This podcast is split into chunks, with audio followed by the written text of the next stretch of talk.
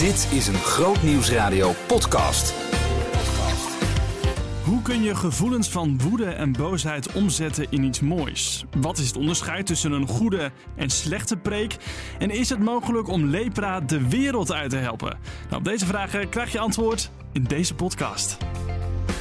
Groot Nieuwsradio podcast. Met Lucas Kramer. Het was de week van de avondklokrellen. Het begon zaterdag al met rellen op Urk. Daar werd een teststraat in de fik gestoken. Maar in veel meer steden en dorpen was het afgelopen week onrustig. Rellers keerden zich tegen de politie en winkels werden geplunderd. Je hebt vast de beelden daarvan wel gezien. Maar hoe kun je gevoelens van boosheid over de ingestelde avondklok, hoe kun je dat nou omzetten in iets moois? Rico Voorberg maakt zich al langere tijd boos, onder andere over de situatie van vluchtelingen op Lesbos. En in de dag van vandaag deelde hij zijn gedachten over de afgelopen week. Marien Kortrink stelde hem de vraag: hoe kijk jij naar de onrust in ons land? Ja, ik vond de afgelopen week een, een fantastisch uh, inzichtgevende week. Die, uh, waarbij er komt natuurlijk een ongelooflijke hoeveelheid energie los. Ja. Uh, door allereerst natuurlijk protesten. Uh, maar waar alle media aandacht heeft voor de protesten, moeten we daarmee, uh, de angst ook van hey, als de vlam nu nog verder in de pan slaat, ja. kan de geest nog terug in de fles. Uh, teksten als uh, als dit zo doorgaat, ontstaat er misschien wel een burgeroorlog. Ja. Maar wat er daarnaast gebeurde, was natuurlijk zo, ik vond het zo mooi. Ehm, dat voetbalsupporters door de straten marcheren houden niet helemaal de anderhalve meter afstand. Er zit ook iets, iets veel uh, gewelddadige uh, uh, hoop, zeg maar, van Ja, ja. misschien kunnen we matten in die, in, in, in die mars. Maar het is constructief. Er is er in plaats van dus dat ze willen gaan railschoppen, waren ze op zoek naar railschoppers. Um, daar zit iets van een, een, een, creativiteit en een omkering in, die ik eigenlijk al, al weken, misschien wel maanden niet, niet uh, gezien heb. Ja. Omdat het lijkt dat er mensen zijn die, die boos zijn op onze overheid. En de anderen er dan toch een soort gelaten over zijn. Over ja, we moeten dit uitzitten, la la la. En die gelatenheid, die, is, uh, ja, die gaat je op een gegeven moment ook opbreken. Uh, ja. Er ontstaat een soort cynisme uit dat. En hier hebben een aantal mensen, het waren de, uh, niet, niet alleen de voetbalsupporters, maar ook de, opra uh, de opruimwoede in ja. Eindhoven. Ja. Dat is natuurlijk ook een soort van woede. Ze hebben onze stad gemold. En de volgende dag staan er gewoon meer mensen dan er ingezet kunnen worden, klaar om die stad te helpen opruimen. Zeggen ze, hou op jongens, we hebben nu echt genoeg vrijwilligers. En we kunnen jullie niet meer aansturen. En op Urk. Uh, ik vind dat vond ik ook fantastisch. Staat er een hele groep te rellen. Een aantal jongens steekt verschrikkelijk genoeg die, die, die teststraat in de fik. Ja. En de volgende dag zegt een van de jongens: Ik stond daar ook met mijn auto tussen die railschoppers. En ik vind het gewoon echt niet kunnen. Dus die is een, een, uh, gewoon zo'n GoFundMe, zo'n fundraiser Oh ja. En binnen een paar dagen staat er 10.000 euro op, vooral van Urkers. Ja. Ik hoor jou eigenlijk vooral positief als ik dit op een bepaalde manier toch ook. Ja, hoe doe ja, je ik dat? vind het heel mooi.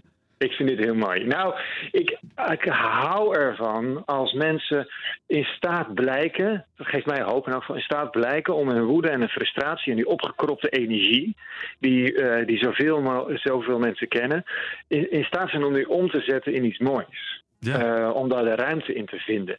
Het is namelijk, um, ons blindstaren op de overheid maakt ons zo klein als burgers. Ja. ja. Uh, dus het roepen van hey, die maatregelen ze mogen allemaal niet. Je, dat kun je tegen, wel tegen onze minister-president roepen. Maar die heeft nog tien, tien premiers van andere landen om zich heen. Die allemaal ook bezig zijn met of avondklok of Ja. andere manieren. Ik denk toch niet dat, ik, dat je nu volgende week opeens een teruggang in die maatregelen krijgt. Want het is op dit moment crisisbestuur. Kun je Ja. niet oké vinden, maar het duurt even voordat we dat kunnen evalueren. Ja. En als het dan lukt om binnen die nou, mogelijkheden te zeggen: wat ga ik dan wel doen? Uh, jongen, heel veel jongeren die, die um, zich opgeven om de eenzaamheid van ouderen te helpen doorbreken. Ja. En één mens op bezoek kan gewoon. Ja. En als ik daar nog eens even over nadenk, ja, er, waren, er zijn echt wel heel veel weken geweest, pre-corona, uh, uh, dat ik minder dan één bezoeker per dag had. Ja, ja, precies. Als ik dat consequent ga doen, Dat is, dat is best een hoop werk nog. Ja, ja, ja. ja. Hey, uh, ja, ik vind het mooi dat je die, die voorbeelden noemt. En, en ik, ik ben wel benieuwd, die woede. Nou ja, je ziet het nu met die MVV-supporters bijvoorbeeld. Die, die gaan de straat op. Ik kan me voorstellen dat het een soort adrenaline is. Dan kan je je energie ook kwijt. Maar bijvoorbeeld ja. ja een bezoek aan een eenza uh, eenzame oudere, bij wijze van spreken. Gevoelsmatig krijg ik daar minder mijn, uh, mijn, mijn energie in, raak ik me minder mijn energie in kwijt. Hoe doe je dat nou als je wel die energie hebt? En ja, bijvoorbeeld niet inderdaad bij een oudere, daar, daar, daar, dat je daar gewoon niet voor gemaakt bent, bij wijze van spreken? Nou, ik, eh, wat ik altijd heb uh, gezegd in mijn onderzoek naar woede, ik heb het door meneer ja. geschreven en dat was steeds een onderzoek naar, naar hey, hoe kun je nou woede omzetten in iets goeds. En woede is een genadegave, dat allereerst. Ja. Het is een cadeau dat je hebt gekregen, die tegen jou zegt, hey, dit is, dit is voor jou een bonk energie, ga maar iets doen. Het is mooi dat het er is. En vervolgens is het uh, taak om die te onderzoeken, waar ben ik nou eigenlijk boos over? Uh, uh, dat doen al heel veel mensen. Soms verdwijnen ze dan allemaal konijnenholen uh, op het internet. Ja. Dat is niet altijd bevorderlijk. mensen te zoeken om je heen die, die iets daarvan delen, zodat je dat niet in je eentje die frustratie draagt. En uiteindelijk, en dat is denk ik heel belangrijk ook in deze tijd, te gaan zoeken wie er al iets positiefs mee aan het doen is omdat het gewoon heel lastig is om het zelf allemaal te moeten uitdenken. Ja. Maar als je eens gaat googlen, wie zijn hier al mee bezig? En vind ik, dat, vind ik dat ze dat mooi doen? Wie is er een mooi initiatief in onze wijk aan het doen? Of in de stad? Uh, en soms is dat gewoon googlen, soms dat is even wat rondbellen en ergens bij aansluiten. Ja. Um, en, of dat nou, en, en, en dan kan het ook zijn, toch maar eens even over je schaduw heen springen en denken: ik ga gewoon eens bij die ouderen langs. Weet je wel, baat het niet, gaat het niet. Anders zit ik weer de hele avond te Netflixen. Of uh, ja. uh, rond te zoeken in complottheorie op internet. Ja. ja, dat kan, kan constructief zijn. Maar als ik gewoon bij oma, die ik nog nooit heb gezien, ja. uh, wiens leven totaal anders is, gewoon even een uurtje op die koffie zitten. Ja, misschien is het heel frustrerend. Maar misschien komen we er ook wel heel veel licht vandaan. En die jongeren die dat doen, zijn echt geen, geen niet, niet te saaie uh, uh, mensen die ook niks te doen hebben. Maar die gewoon zoiets hebben van, ja, weet je, ik wil, ik wil even buiten mijn gewone kleine bubbeltje stappen. Ja. En zo'n dankbaarheid van iemand die zegt: hé, hey, wat, wat bijzonder dat jij hier bent. En jij weet dat het ook nogal bijzonder is dat je er bent, want dat zou je normaal nooit doen. Ja, ja. ja ook dat is een verrassing. Ja. En dat is misschien niet de adrenaline van: hé, hey, ik ga nu eens even deze winkel verdedigen. Uh, kom maar op, tuig. Maar um, iets um, positiefs maken van, van je, terwijl je je ergens beperkt voelt, daar gaat altijd iets stromen. Ik Ja. heb dat ook gemerkt met vluchtelingenproblematiek. Je kunt um, uh, denken van dit is veel te groot. Wat heeft het nou voor zin als ik met één iemand uh, um, uh, op pad ga... of als ik in het asielzoekerscentrum eens even een kaartje leg... of bij, Ja. bij iemand thee drink.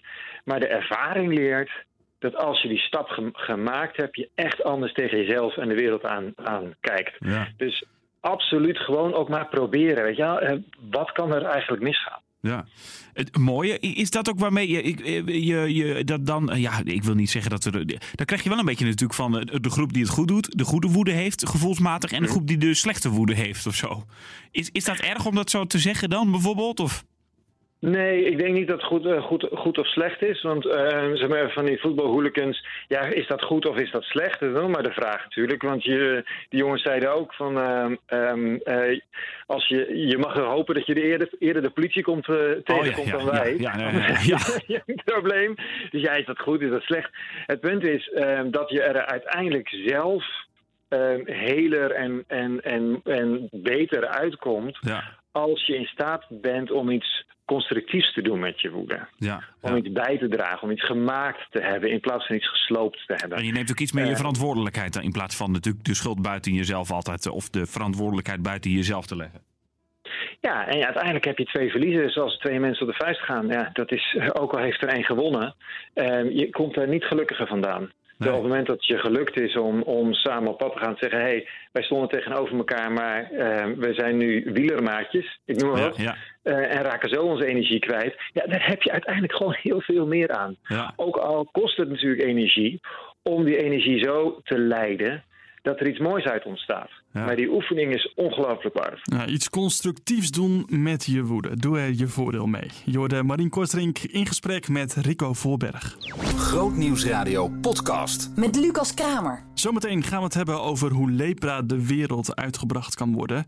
Eerst gaan we het hebben over preken. Ja, hoeveel preken heb jij wel niet in je leven gehoord? En welke preken zijn bij jou nou echt bijgebleven? Welke hebben je geraakt? De uitzending van Bij Jorike ging er donderdag over. Jorike sprak onder andere met Teun van der Leer. Hij is docent prekunde aan het Baptistenseminarie en het eh, Evangelisch College. En hij vertelde onder andere over het onderscheid tussen goede en slechte preken. Kijk, wij, wij werken in, uh, in onze opleidingen met de drieslag, uh, die eigenlijk al heel oud is, die uit de Griekse retorica komt logos, ethos en pathos. En dat heeft simpel te maken met je moet zorgen dat je inhoud hebt. Je moet zorgen dat je geloofwaardig bent. En je moet zorgen dat je um, de emotie kunt raken. Um, nou ja, daar, kan ik een heel verhaal overheen houden, maar daar komt het op neer. En een minder goede preek uh, kun je vaak herkennen aan dat een van die drie niet, niet goed uit de verf is gekomen. Ah, dus echt alle drie zijn ze dus heel erg belangrijk. Dus als je een verhaal hebt wat heel geloofwaardig is en heel veel inhoud heeft, maar je mist dus om de emotie te raken, dan, dan mist het zijn doel eigenlijk?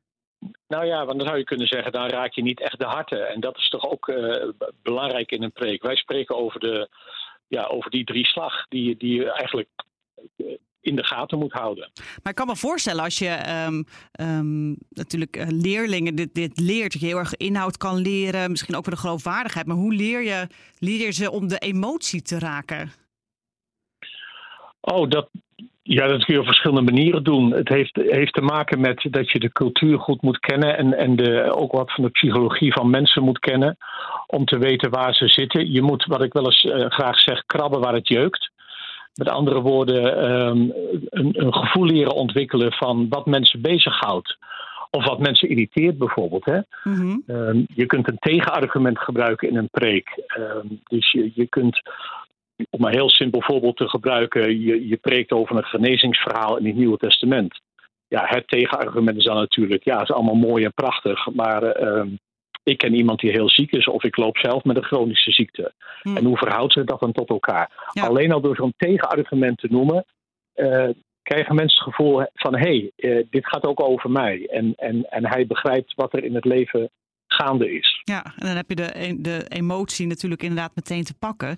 Je zei al ja. even, dit zijn drie uh, punten die dus al eigenlijk al heel erg oud zijn. Maar welke ja. ontwikkelingen en veranderingen zijn er op het gebied van de preekkunde aan te wijzen? Nou, je ziet, je ziet wel heel sterk, en dat is eigenlijk al in de jaren tachtig begonnen, dat noemen we de New Homiletic. Homiletiek is het, is het begrip hè, voor predikunde. Dat er een groeiende aandacht is voor de hoorder. Binnen de zogenaamde homiletische driehoek gaat het om de boodschap, de boodschapper en de luisteraar, dus de hoorder. Mm-hmm. En, en, je, en je ziet wel een toenemende aandacht daarvoor. We zijn ons steeds meer bewust geworden dat uh, ook in de communicatiewetenschap goed communiceren is niet alleen een verhaal vertellen, maar ook erop letten: komt het aan en hoe komt het aan? En daar uh, besteden we wel steeds meer aandacht aan. Was het dan vroeger inderdaad meer dat... gewoon je vertelde gewoon een verhaal en nou ja, je ziet wel uh, of het dus ergens aankomt en nu is er dus heel veel aandacht voor? Nou, het had ook te maken met een verschillende cultuur. Vroeger had je als predikant al bij voorbaat een zeker gezag door je ambt, zal ik maar zeggen. Uh, dus, dus er werd, bij voorbaat werd er ook met meer aandacht naar je geluisterd. Mm. En vandaag de dag is natuurlijk ook veel meer concurrentie. Denk ook aan de televisie, de film, het internet en de social media. Mm-hmm. Dus uh, daartussen moet je geluid laten horen. Dus je moet, moet echt bewust nadenken van uh, wat, wat krijgen mensen allemaal al binnen en hoe, hoe kan ik daarin ook uh, een, echt een stem laten horen. Een ander effect daarvan is dat er meer aandacht is voor narratieve prediking. Dus neem mensen mee in het verhaal. We spreken dan wel over het grote verhaal van God en het kleine verhaal van ons leven. En breng die met elkaar in verbinding. En een andere ontwikkeling die je ziet is dat we gewoon korter gaan preken. Omdat de aandachtspannen van mensen gewoon minder wordt. Ja, wat, wat is nu dan uh, een soort van de lengte wat, wat jullie eigenlijk leren van nou, dat is, dat is de goede lengte van een preek? Uh, dat hangt toch een beetje van de context af. Want uh, wat mensen gewend zijn, dat helpt, uh, in sommige kerken hebben mensen een langere aandachtspannen. Maar als je het over het geheel neemt, dan zeg ik niet langer dan 20 minuten. En een kwartier, in een kwartier kun je ook een hele goede preek houden. Oh ja, dat is toch echt de, de, de 20 minuten regel eigenlijk? Ja. ja. Wat is, uh, want je noemde het al even, de, de wereld is natuurlijk ook heel erg veranderd. Wat is de invloed van nieuwe ontwikkelingen, uh, mediagebruik? Ik bedoel, nu moet, wordt er heel veel gepreekt via een li livestream. Wat is daar de invloed van op de preek? Ja, de, de, de valkuil ervan is dat de, dat de vorm steeds belangrijker wordt. En nou is de vorm niet onbelangrijk. Maar ik zeg wel eens, ehm, als, je, als je vooral ehm, naar die ontwikkeling kijkt, ehm, wat het meest gelikt is, wordt het meest geliked. Mhm. En, en dat kan ook een nadeel zijn. Eh, sowieso, eh, en daar ben ik benieuwd naar. We zitten natuurlijk nu in een situatie dat sommige kerken die livestreamen al bijna een jaar. Ja. En dat, en dat geeft echt invloed, denk ik, op, op, op de prediking. Ik denk dat we daar ook eh, onderzoek al naar doen en steeds meer naar zullen gaan doen. Ehm, Want wat voor invloed heeft dat dan? Ja, de- de- kijk, de, de klassieke preek, zal ik maar even zeggen, die vond plaats in een context van een samenkomst. Waar mensen met elkaar zitten, waar je met elkaar iets viert. En dan te midden van die viering vond de preek plaats. En die heeft daarmee ook iets sacramenteels. Dat wil zeggen, op dat moment werkt de geest van God daar doorheen. Hm. Ook in die interactie tussen de prediker en zijn publiek. Die die ziet en die die net gehoord heeft. En Ja. die die vaak ook kent. Ja, dat is toch een heel andere context dan iemand die thuis op de bank met een kop koffie eh, naar een livestream kijkt. Soms niet eens zijn eigen livestream, maar gewoon een andere gemeenschap. En dat de prediker hem aanspreekt of de aanbidding, dat hij die daar mooier vindt. Ehm, ja, en dan gebeurt er heel, ja, dan gebeuren er andere dingen. Dus ik vind dat wel spannende ontwikkelingen. Ja, om, om, eh, omdat je dus niet weet van, ja, hoe, hoe gaat dat later zijn? Misschien als het ook weer normaler wordt? Of? Ja, maar op dit moment, eh, om het, om het eh, misschien een beetje apart te zeggen, hoe neemt de geest deze context in dienst? Hmm. Ik, ik weet iets van hoe het werkt in, in het oude patroon, zal ik maar zeggen. Mhm. Maar dit, dit nieuwe eh, ja, vind ik gewoon heel spannend. Een van de de valkuilen is natuurlijk ook dat we steeds, en dat waren we al heel erg, steeds meer consumenten worden, pre-consumenten. Mhm. Terwijl ik denk op het moment dat ik preek in een gemeenschap, dan doen we het met elkaar. Dan is er interactie. Ik ben een getuige van eh, de tekst die ik bestudeerd heb. En daarmee ga ik naar de gemeenschap. En die gemeenschap die verleent mij ook gezag. Die zegt, wij willen van jou horen wat daar staat. Mhm. Ehm, het, het wordt nu veel anoniemer. En ehm, ja, dat vind ik spannend. Ja, want vroeger was het inderdaad, hè, de dominee zegt het, dus, eh, dus het is. En misschien is het nu van de dominee zegt het, nou, ik google het eh, zelf wel, ik ben het niet met u eens. Of een andere spreker over de hele wereld zegt misschien iets anders. En ik stuur je een mail om dat te, dat te, om Ja. dat te vertellen. Eh, merk je dat inderdaad een soort, eh, dat, dat, ja, dat de sprekers meer nu ook inderdaad door die anonimiteit onder een vergrootglas liggen, de preek? Ja, dat ligt niet zeker. En op, op zichzelf vind ik ehm, dat mensen kritisch meeluisteren en ook meedenken heel positief. Maar het wordt een beetje wat je in de hele sociaal, social media ziet. Hè? Dat eh, mensen ook zonder verstand van zaken van alles beginnen te roepen. Omdat ze het belangrijk vinden om een eigen mening te horen. En, en ja, dat, dat kan ook afbreuk doen aan, eh, aan het. Kijk, preken heeft ook te maken. Het is niet alleen degene die uitzendt, maar ook degene die ontvangt. Hè? De ontvankelijkheid van de hoorder. Mhm. Denk aan de gelijkenis van de zaaier. Die spreekt over vier verschillende bodems. En dat gaat denk ik over ons hart. Ehm, dus als we ons te veel als consumenten gaan gedragen, en vooral individuele consumenten, eh, en wij gaan beoordelen, waar zit dan nog het spreken van God dat met gezag op mij afkomt? Ja, waar, waar, waar die open hart zich nog bevindt ook. Ja, Maakt dat, dat dat misschien tegenwoordig dominees, eh, voorgangers, sprekers het misschien ook moeilijker vinden om misschien dingen te zeggen die dus echt misschien wel flink schuren even? Ja, dat zou heel goed kunnen. Ik, ik zeg wel eens tegen studenten: pas op als de mensen alleen maar tegen je zeggen dat de preek ze aangesproken heeft. Ja. Dan moet je je afvragen of je nog wel het evangelie predikt. Want het evangelie strijdt ons ook tegen de haren in. Ja, En, en het, inderdaad, het is een mooi woord dat je gebruikt: schuren of, of storen. Het evangelie stoort mij ook in mijn comfortabele leven. ja. En ehm, ja, dat, dat is ook een spannende. Want ehm, ik, ik vind ook dat ik geroepen ben om en te troosten en te storen. Eh, maar ik moet niet zo storen dat ik mijn hoorders kwijtraak. Nou, daar heb je weer die wet van die communicatie. Ja. Eh, ik kan wel zeggen, ja, ik predik het woord van God, dus het maakt niet uit of ze willen luisteren. Nee, ik voel mij ook verantwoordelijk om het zo te doen dat eh, mensen kunnen, kunnen, kunnen blijven horen. Want is eigenlijk, hè, is spreken een gave of is dit ook aan te leren? Ehm, het is niet een gave in de zin van een charisma uit het Nieuwe Testament. Daar wordt wel gesproken over ehm, de gave van onderwijs en de leraar. Dat zit natuurlijk dicht tegenaan. Ehm maar het, ik denk dat het wel heel erg helpt als je talent of aanleg hebt, wat de geest in dienst kan nemen. Um, maar je moet wel toegerust worden. Dat, dat geldt trouwens voor elke roeping. Hè. Roeping heeft te maken met verlangen, het moet bevestigd worden, maar vervolgens moet je ook toegerust worden. Ja. Dus ik, ik merk vaak wel, wij, wij werken altijd met een nulmeting in onze eerste uh, colleges. Van nou, ga er maar eens tien minuten staan en we een verhaal. En uh, daar kun je altijd al heel veel aan ontlenen, ook waar de leerpunten nog liggen. En dan zie je al vaak al wel, ja, zit het erin of wordt het heel moeilijk? Mm -hmm. En dan, en dan, ja, nou ja. Maar in beide gevallen ja, kun je er ook flink aan werken. En er is heel veel te leren qua structuur. Hoe bouw je het op? Um, hoe, leg je, hoe maak je contact met je hoorders? En dan is het dus niet van, oh, nu wordt het meer een kunstje. Dat is juist om nou ja, die preek met die uh, drie pijlers over te brengen eigenlijk. Nee, het, het is geen kunstje, maar het is wel een ambacht.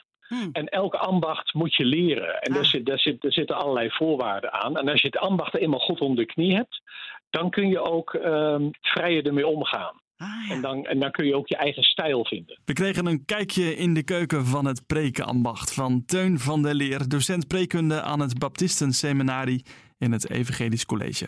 Grootnieuwsradio podcast met Lucas Kramer. Zondag is het Wereldlepra-dag. Je zou denken dat deze ziekte al lang de wereld uit is, maar helaas is dat niet het geval. Iedere twee minuten wordt iemand ter wereld getroffen door lepra. En vaak zijn dat mensen die je kan rekenen tot de allerarmste. In Brandstof voerde Eunice Nahuis actie samen met de Lepra-zending. In de studio was onder andere directeur Henno Coupri te gast van de Lepra-zending.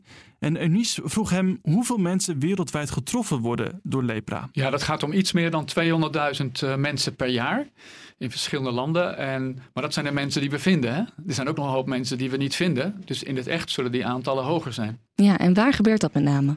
Uh, ja, vooral in uh, landen in het zuiden, Afrika, Zuid-Amerika, Azië. Uh, 60% van alle lepra zit in India. Dus India is verreweg het belangrijkste land. Brazilië is een groot land. Sorry? Hoe komt dat? Uh, ja, combinatie van een grote bevolking. Uh, mensen die, uh, veel mensen met armoede. Die dicht op elkaar wonen en leven in de slechte omstandigheden. Ja. ja. We hoorden net al van de verpleegkundige Willem van Ginkel hoe lepra ontstaat en hoe het zich verspreidt. Hoe kun je dit doorbreken? Ja, doorbreken is eigenlijk niet anders dan bij, bij veel andere infectieziektes. Is zorgen dat zeg maar, de verspreiding gestopt wordt. Dus je moet zorgen dat je mensen, als ze het hebben, dat je ze snel vindt. Dat je ze vervolgens snel behandelt. En dat je vervolgens zorgt dat, dat de transmissie stopt. Ja, en die 24 euro, dat roepen we vandaag op. Daarmee kun je dus één lepra-patiënt helpen. Hoe ziet dat eruit? Waarom 24 euro? Ja, in die zin is het een beetje arbitrair. Want mensen die zeg maar komen en vroeg gevonden worden en die gratis pillen krijgen, die zijn heel goedkoop. Maar je hebt ook mensen die al heel laat gevonden worden, die al geopereerd moeten worden, veel hulpmiddelen nodig hebben. En dat is veel duurder. Dus we hebben een beetje een soort gemiddelde genomen als je kijkt naar de aantallen mensen. Uh, maar voor 24 euro kunnen we echt heel veel doen. Ja. Um, ik noemde het al helemaal aan het begin van de uitzending. We willen lepra de wereld uithelpen. Is dat mogelijk? Uh, ja, dat is mogelijk. Het is niet makkelijk. Uh, wij hebben zelfs een doel gesteld om in 2035 de transmissie van lepra wereldwijd te stoppen. Uh, dat doen wij niet als lepra-zending, dat doen we met allerlei andere mensen erbij. Hè, dat er geen nieuwe besmettingen meer komen. Dat er geen nieuwe ja. besmettingen komen. Nou, dat is niet 100% mogelijk. Uh, als mensen afgelegen plekken zitten, we weten niet waar ze zitten. Maar ik denk dat we op 90% kunnen komen. Dus daar zetten we volledig op in. dat wij zorgen dat we mensen kunnen vinden met lepra. Hè, een goede diagnostische test zal heel veel helpen. Dat we zorgen dat mensen die het hebben, dat we zorgen dat de mensen in de omgeving behandeling krijgen, zodat het niet verder doorgaat. Dus je moet echt die transmissie gaan stoppen. Ja. Um, dat is, aan de ene kant is het dus inderdaad de, de medicijnen en letterlijk de hulp die jullie daarmee bekostigen. Ja. Maar ik begrijp ook dat er nog meer onderzoek gedaan moet worden. Dat jullie ook op die manier dit wereldwijd willen aanpakken. Ja, dat klopt. Ik, ik, ik noemde net even een goede diagnostische test. Mm -hmm. Wij kunnen nu lepra alleen maar vinden wanneer mensen zeg maar, de uiterlijke kenmerken van lepra krijgen. Dan kan je een soort, beetje hetzelfde als bij uh, corona, ja, daar moet uh, het een soort denken. slime uh, kan je afnemen. En dat kan je onder de microscoop doen om te kijken naar de bacteriën. Maar mensen kunnen het al vier, vijf jaar daarvoor hebben. En dan kunnen we het niet vinden. Terwijl je eigenlijk liever wil kijken, hebben mensen nou lepra voordat het actief is? En dan kan je zeggen, oké, nou gaan we er wat aan doen. In plaats van dat het al verspreid wordt en dat je het dan gaat stoppen. Dus dat is uh, diagnostische test. En heel belangrijk is dat we een methode hebben om mensen die in de omgeving van lepra-patiënten zitten ook uh, behandeld kunnen worden met antibiotica. Waardoor we weten dat 70% geen lepra kunnen ontwikkelen. Ja. Nou, dat moet naar 80, dat moet naar 90%. Dat is een kwestie van onderzoek en uitproberen. Uh, dus dat zijn wel de belangrijke dingen. Ja, dus ook daar is geld voor nodig voor meer onderzoek. Jullie heten niet voor niks Lepra-zending. Wat merken de mensen die jullie helpen hiervan? Nou, wij zijn een uitgesproken christelijke organisatie. Dus in alle landen waar wij werken, of dat gesloten landen zijn of hele open landen, weten ze dat wij een christelijke organisatie zijn. En dat wij het doen, uh, wat wij zelf zeggen, in navolging van Jezus. Uh, het is niet zo, omdat we ook heel veel medisch werk doen, dat wij evangeliseren. En bij patiënten die uh, van ons afhankelijk zijn, dat we evangeliseren. Maar wij hebben wel, zijn heel open over ons geloof. We hebben weekopeningen, dagopeningen. Er zijn counselors die soms ook van de lokale kerken komen.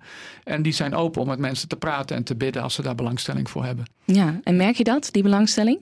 Uh, die merk je soms meer en soms minder. Kijk, als mensen in het ziekenhuis komen, wat pillen krijgen en weg zijn, dan zullen ze dat niet merken. Als mensen met zweren soms maandenlang bij ons in het ziekenhuis liggen, ja, die merken dat. En dat zijn de mensen waar we mee praten. Daar zal ook Willem over uh, kunnen vertellen. Dat zijn de mensen waar je mee praat, waar je een relatie mee opbouwt. En dan kan het zijn dat mensen zeggen, nou, uh, waar, waarom doen jullie dit allemaal? Hè? Zeker in een uh, samenleving waar we zo uitgestoten worden. Ja, ik denk dat dat vooral heel veel indruk maakt. Ja. Hè? Dat je uitgestoten wordt, ergens wordt opgevangen. En ja. dat ze jou verzorgen, maar ook de liefde van Jezus doorgeven. Klopt, klopt. Ja, bijzonder hoor, dat werk wat jullie mogen doen. Ja, ik voel het als een voorrecht dat ik uh, hier mag werken, zeg maar. Ja, ja? ja zeker. Je directeur Henno Coupri van de Lepra-zending. En aanstaande zondag op Wereld Lepra-dag is er om 10 uur een kerkdienst te horen bij Groot Radio. Voorganger is Wieger Sikkema en hij is ook ambassadeur van de Lepra-zending. Nou, van harte uitgenodigd om te luisteren en de preek kun je ook terugvinden op het podcastkanaal Preek van de Week. Kijk op uh, grootnieuwsradio.nl-podcast. Bedankt voor het luisteren. Goed weekend. Behoefte aan meer? grootnieuwsradio.nl slash podcast.